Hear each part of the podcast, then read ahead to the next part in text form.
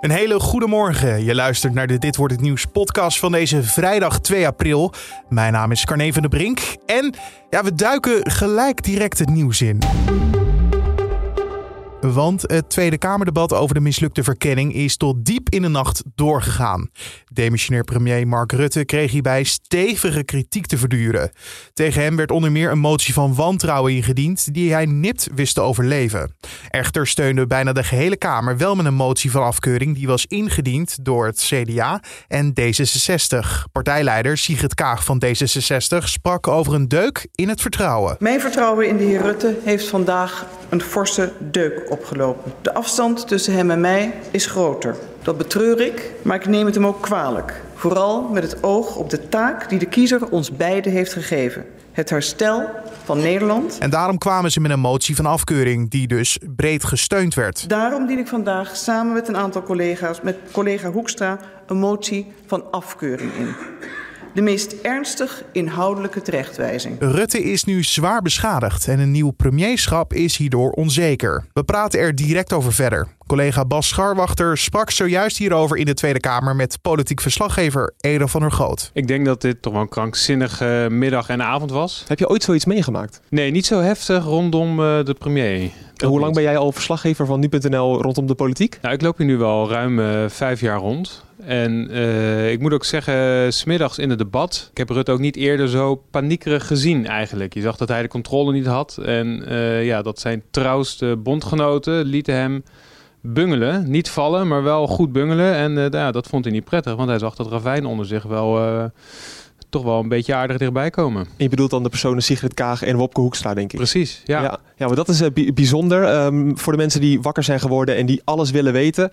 Hoe begon dit debat nou eigenlijk? Ja, het begon vorige week toen die uh, notitie van Omzicht werd gefotografeerd. Of eigenlijk de notitie van uh, Kajsa Ollongren, de verkenner van D66. En op die notitie stond, als je goed ging kijken, als je goed inzoomde, stond positie, omzicht, functie elders. Maar Omzicht is een verkozen volksvertegenwoordiger. Dus ja, wie gaat nou bepalen dat hij ergens anders naartoe moet. Dus iedereen was hartstikke verontwaardigd en boos over. En vooral mensen wilden weten wie heeft dat nou in godsnaam daar neergezet. Een week lang hoorden we niks. Iedereen riep: uh, ik heb het niet gedaan, inclusief uh, Rutte. Maar wat bleek uh, donderdagmiddag, toen de Kamer om alle onderliggende stukken had gevraagd. Rutte heeft het wel degelijk gehad over de positie van omzicht. Die wilde misschien wel minister maken.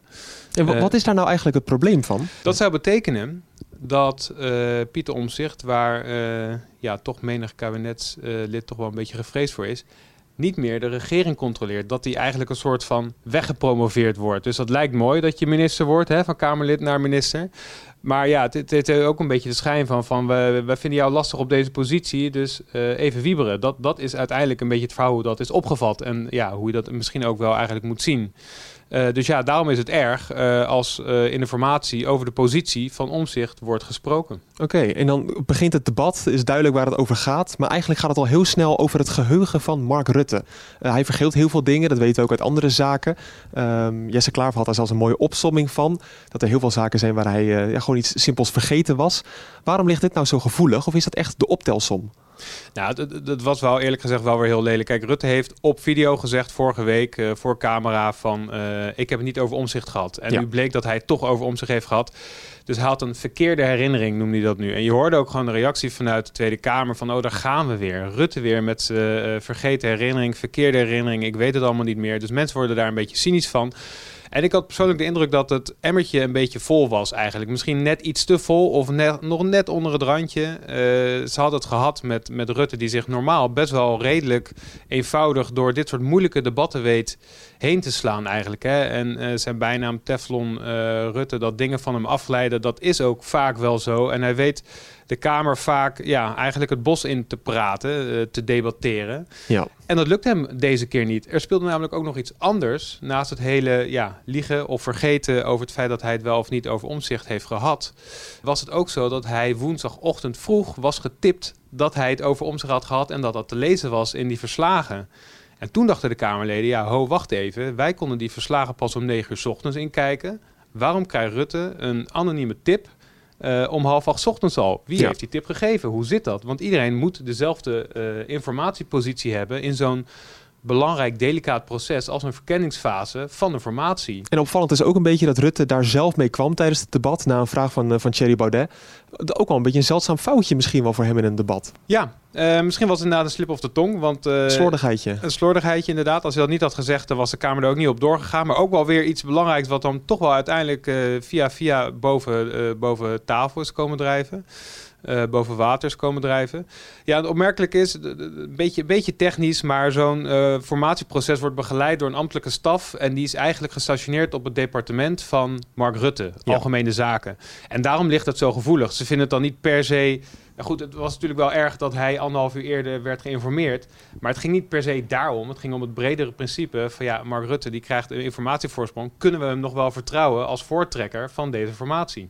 Ja, en dat is heel opvallend. Dan uh, ontwikkelt zich het debat een beetje dat het een soort kat-en-muisspel wordt tussen Mark Rutte en de oppositie, om het zo even te zeggen. Of de oppositie, eigenlijk de hele Kamer natuurlijk, die hem daarin wil controleren. Dan komt er op een gegeven moment, dan gaat het bijna niet meer over de verkenners, ook al komen die ook aan het woord. Maar dan gaat het over de positie van Mark Rutte. Wat vond je van die ontwikkeling in het debat? Ja, je zag heel duidelijk dat uh, een groot deel van de Kamer uh, op een gegeven moment zoiets had van... is dit nog wel de juiste man die inderdaad het formatieproces moet leiden? Uh, we zitten in de verkennende fase. Het is een beetje onontgonnen gebied eigenlijk. Uh, sinds de koning dat niet meer doet. Uh, maar een lang verhaal kort te maken. Dan wordt gekeken welke partijen samen kunnen gaan formeren. En dan pas ga je het over, echt over de inhoud hebben. En dan ga je allemaal regels bedenken. Of dan ga je allemaal wetten bedenken. En dan ga je een regeerakkoord in elkaar timmeren. En wie je minister wil maken of niet? dat gebeurt oh, officieel als je een formateur. Dat helemaal aan het eind van de rit. Okay. Natuurlijk wordt eerder over gesproken. Maar dat, ja. dat is helemaal aan het eind van de rit. Ja. En wat je nu ziet eigenlijk, wat er nu is gebeurd, is dat uh, Sigrid Kaag, D66 en Wopke Hoekstra van CDA hebben gezegd van ja, wij willen eigenlijk niet zomaar het voortouw en het vertrouwen geven aan VVD-leider Rutte in dat proces. Dus het zou best wel eens kunnen uh, dat we de komende weken gaan zien uh, dat Rutte die formatie helemaal niet gaat leiden. Ja, wat het precies gaat betekenen dat de nummer 2 of de nummer 3 uh, van de VVD dat dan wel gaat doen. Uh, misschien wordt dat het wel. Willen ze dat Rutte geen premier meer wordt, hè, de nieuwe premier, dat hij dat voor de vierde keer wordt. Dat zou ook nog kunnen. Dat zijn misschien allemaal zaken die nog onderhandeld moeten worden. Maar ja, goed, het CDA en D66 zijn natuurlijk niet meer zo gebonden aan oude coalitieafspraken. Dus die waren wel echt goed pissed off, als, uh, als ik dat mag zeggen. Heb ik zojuist gedaan. Dat mag zeker. Dat mag zeker. Ja. Uh, dus ja, die kwamen ook met een motie van afkeuring uiteindelijk, die door de gehele Kamer, behalve de VVD van Rutte zelf natuurlijk, werd gesteund. En zo'n uh, ja, motie van afkeuring, Rutte zei zojuist... Mag nog één stapje terug, want zeker. we vergeten gewoon motie van wantrouwen dat is ingediend. Ja, ik dacht we gaan de, de, de wantrouwen is nog een stapje zwaarder, dus die, ja. die komt hierna. Oh, die komt hierna? Ja. Oh. Moet je gewoon uit laten praten eigenlijk. Ja, nou, ga door. Ho hoeft niet per se, heel goed dat je interpeert.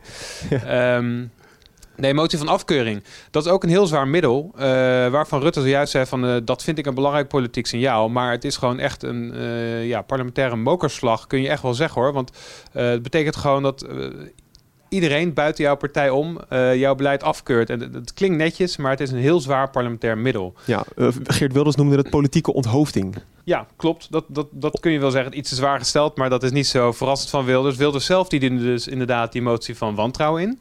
En die werd gesteund door, uh, ik, ik, doe even met aanhalingstekens, de volledige oppositie. Want we hebben natuurlijk niet per se nog een oppositie en een uh, coalitie. Maar uh, die motie werd alleen niet gesteund door VVD, CDA, D60 en ChristenUnie. maar dat betekent dat 72 zetels die motie van wantrouwen wel steunen.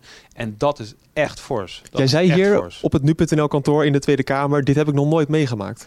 Nee, niet tegen een premier zo'n uh, zo'n zware motie, uh, zo'n zo zware steun voor motie van, uh, van wantrouwen. Meestal heb je wel, nou dat pakken we pak een beetje, een, een derde van de Kamer ongeveer zo'n motie steunt. dat is al heftig. Ik kan me herinneren dat toen Lodewijk Asscher nog een keer nog PvdA-leider was, dat hij ook een keer een motie van, van wantrouwen steunde. Uh, dat is voor de politieke junks al, uh, al heftig. Dat ja, een partij waar je in principe uh, zaken mee kan doen, zo'n motie, zo'n zwaar parlementair middel steunt. Ja, en nu uh, alleen zijn oude coalitiegenoten houden hem nog uh, in het zadel. En uh, ja, je kunt je afvragen ja, waarom D66 eigenlijk niet heeft doorgedrukt. Dat was toch wel de partij die het meest kritisch was. Ja, want voor de duidelijkheid, als, als D66 motie van wantrouwen ook had gesteund, dan was het klaar geweest voor Mark Rutte. Zo moeten we dat gewoon zien. Ja, het CDA, D66 en ChristenUnie hadden het lot van demissionair premier Mark Rutte in hun handen. En ja, ze hebben, hem, ze hebben hem laten leven. Ze laten ja. hem wel bungelen. ChristenUnie-leider Segers zei nog van ja, de ene reden om hem niet steunen is omdat we nu in een crisis zitten. Nou ja, goed. Het heeft dus echt allemaal met corona te maken eigenlijk. Het heeft, ja, corona redt hem dan net wel. Of misschien wat een gelegenheidsargument. Dat heb ik hem nog niet kunnen vragen. Het CDA ligt er niet zo voor de hand dat ze moties van uh, wantrouwen steunen. Ja, goed, dat is een beetje partijhistorie en partijgewoonte. Ja.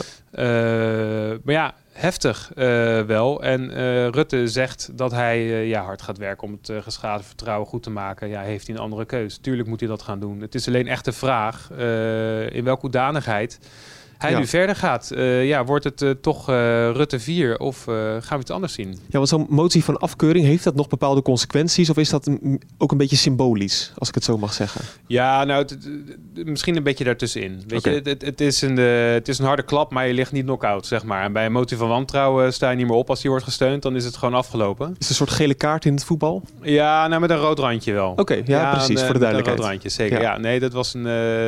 dan ben je goed te grazen genomen. Maar opvallend is dat Sigrid Kaag, die kreeg de vraag op een gegeven moment van... als de motie wordt aangenomen nog, dat was in die periode daarvoor... wat betekent dit dan? En toen zei ze eigenlijk, ja, dan zou je eigenlijk zelf zijn conclusies moeten trekken. Ja. Ja. Maar wat betekent scherp, dit voor mogelijke... dat zegt, want dat is inderdaad... Uh, daarin onderscheiden zichzelf ook... of daarmee wilden zich graag onderscheiden van uh, hoe Rutte in de wedstrijd staat. Ze zei inderdaad zelf van op antwoord van de Partij voor de Dieren van uh, ik zou mijn conclusies trekken zonder uh, ja, een beetje bij het naamje te noemen, maar iedereen weet wel wat ze daarmee bedoelde. Zij ja. zou opstappen. Zij vindt dus eigenlijk dat Rutte moest opstappen. Tegelijkertijd, als zij dat echt vindt, dan had ze gewoon lekker die motie moeten, moeten steunen. Dus het is wel een beetje een ingewikkelde positie waarin D66 zich nou weer heeft gemanoeuvreerd. Ook omdat je nu moet afvragen van in hoeverre partijen die de motie van wantrouwen hebben gesteund, uh, ja, kunnen die nog wel geloofwaardig aanschuiven bij de formatiegesprekken? Want waarom zou een PvdA, die dus de motie van wantrouwen steunen, of GroenLinks of SP, allemaal partijen die echt wel in beeld waren, Waarom zouden zij nog aanschuiven of gaan praten, onderhandelen met iemand die zij wantrouwen, die ze niet, die ze niet steunen, die ze, die ze weg willen hebben? Ja, want dat gaat sowieso de verhoudingen uh, binnen de formatie heel erg uh, door de war schoppen. Ik denk dat D66 en CDA, dat mag jij invullen, dat die een grotere positie gaan krijgen aan die tafel. Is dat dan ook zo? Nou, kijk, dat we afwachten. Kijk, de positie van Rutte is wel echt verzwakt. Ja. Uh, dat, dat is wel echt zo. En wat het precies betekent, uh, dat moeten natuurlijk, uh, ja, dat, dat weten we nog niet.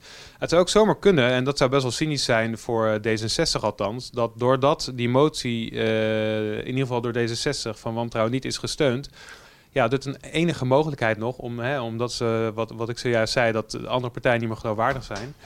Uh, dat de enige mogelijkheid nog is dat ze met de ChristenUnie-coalitie gaan, uh, gaan, uh, gaan vormen. Ja, en dat ziet D66 eigenlijk helemaal niet zo zitten. Want daar is het al eerder over gegaan van kan de oude coalitie, zou die door kunnen gaan?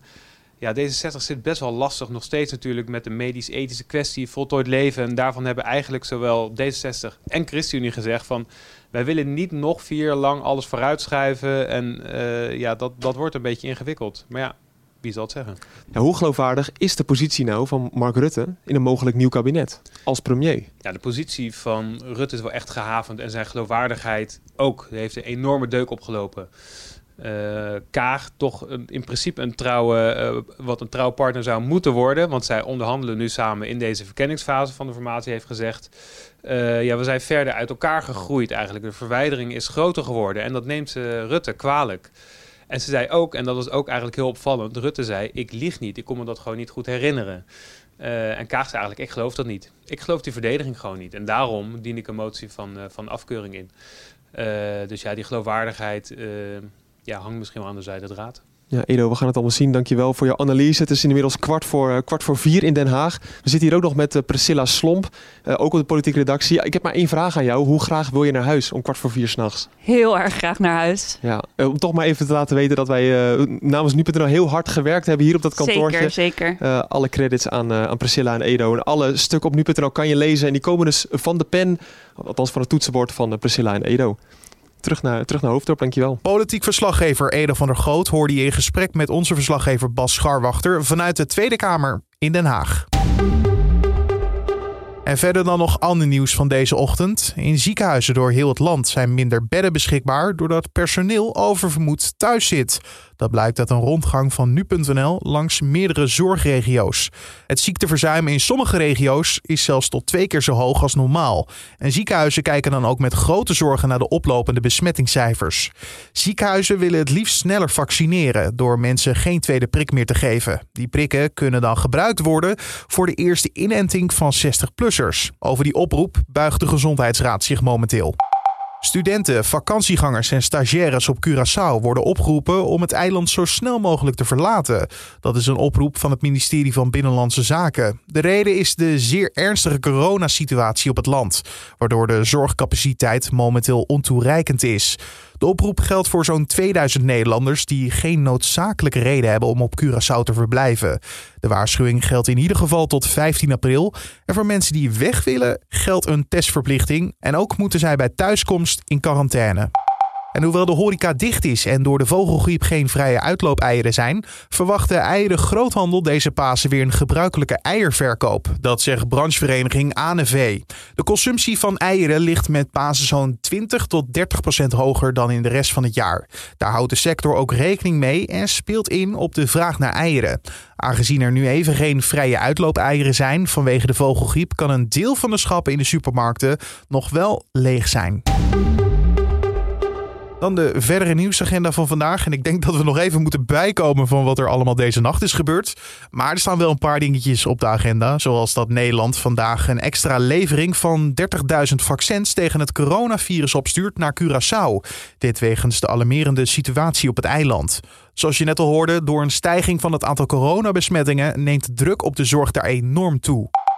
En de agrarische actiegroep Farmers Defence Force staat in de rechtbank in Den Haag tegenover de Nederlandse staat en omroep Avrotros. De actiegroep spande het proces aan na een uitzending van Opsporing Verzocht, waarin de organisatie in verband werd gebracht met brandstichting, onder meer bij het RIVM.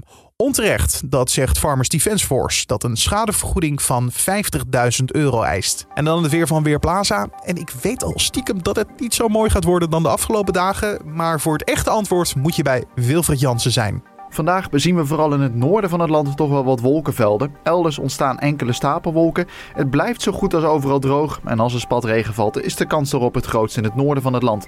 De temperaturen een stuk lager dan de afgelopen dagen. Zo'n 7 tot 9 graden onder de bewolking in het noorden van het land. In het zuiden van het land kan, als de zon flink doorbreekt, de temperatuur nog zo'n 13 graden bereiken. Verder waait er een overwegend matige wind uit noordelijke richting. En die zorgt er wel voor dat het voor het gevoel iets frisser wordt. Dankjewel Wilfred Jansen van Weerplaza.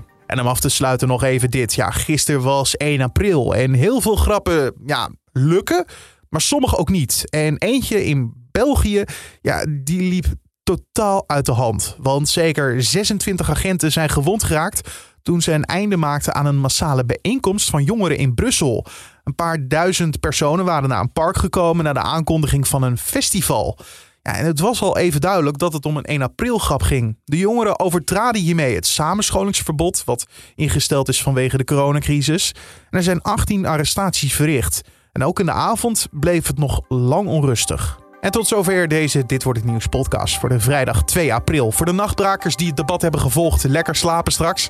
En voor de mensen die aan hun dag beginnen, maak er een mooie dag van. Een heel fijn paasweekend alvast. Uh, vanmiddag zijn we wel terug met de middageditie van de podcast. Maandag hebben wij even vrij. Dan is er geen podcast in de ochtend en middag. Maar dinsdag zijn we gewoon weer keihard terug. Mijn naam is Carne van der Brink en hopelijk tot dan.